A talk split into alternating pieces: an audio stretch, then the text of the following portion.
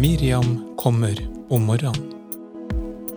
Hver morgen er det som om hun kommer for første gang. Hun fører dagen ved handa når hun kommer til kafeen.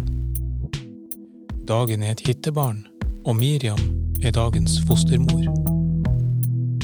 Miriam har øreklokka. Fingrene hennes klaprer mot et tastatur. Det er sånn hun gjør forretning. Dagen er hennes. Hun eier den og lar ingen ta den fra henne. Dagen ligger lydig for føttene hennes og vokser.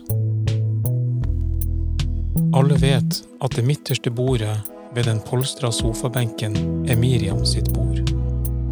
Hun sitter inne uansett vær. Spiser salater og sandwicher og nøtter og tapasretter. Drikk kaffe og te og mineralvann. Uten pause. Uten at klapringa fra fingrene og tastaturet stoppa.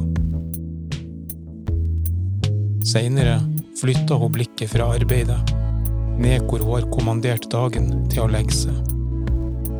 Den har vokst opp og gått ut i verden.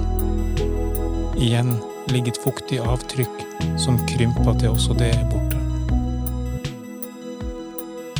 Hun pakker tingene sine ned i veska. Fra kafeen går Miriam bestandig alene. Skoen klaprer gatelangs, jevnt og ganske hardt, men naturlig, og ikke demonstrativt. Miriam sover godt om natta. Jeg vet det på grunn av ei bemerkning en gang. Et svar på noe noen sa.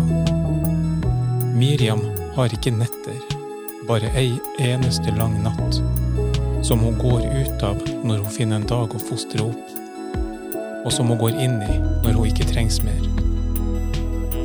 Natta er evig for Miriam. Alltid der. Hun trenger den ikke, og den trenger ikke hun. De bare er i hverandre.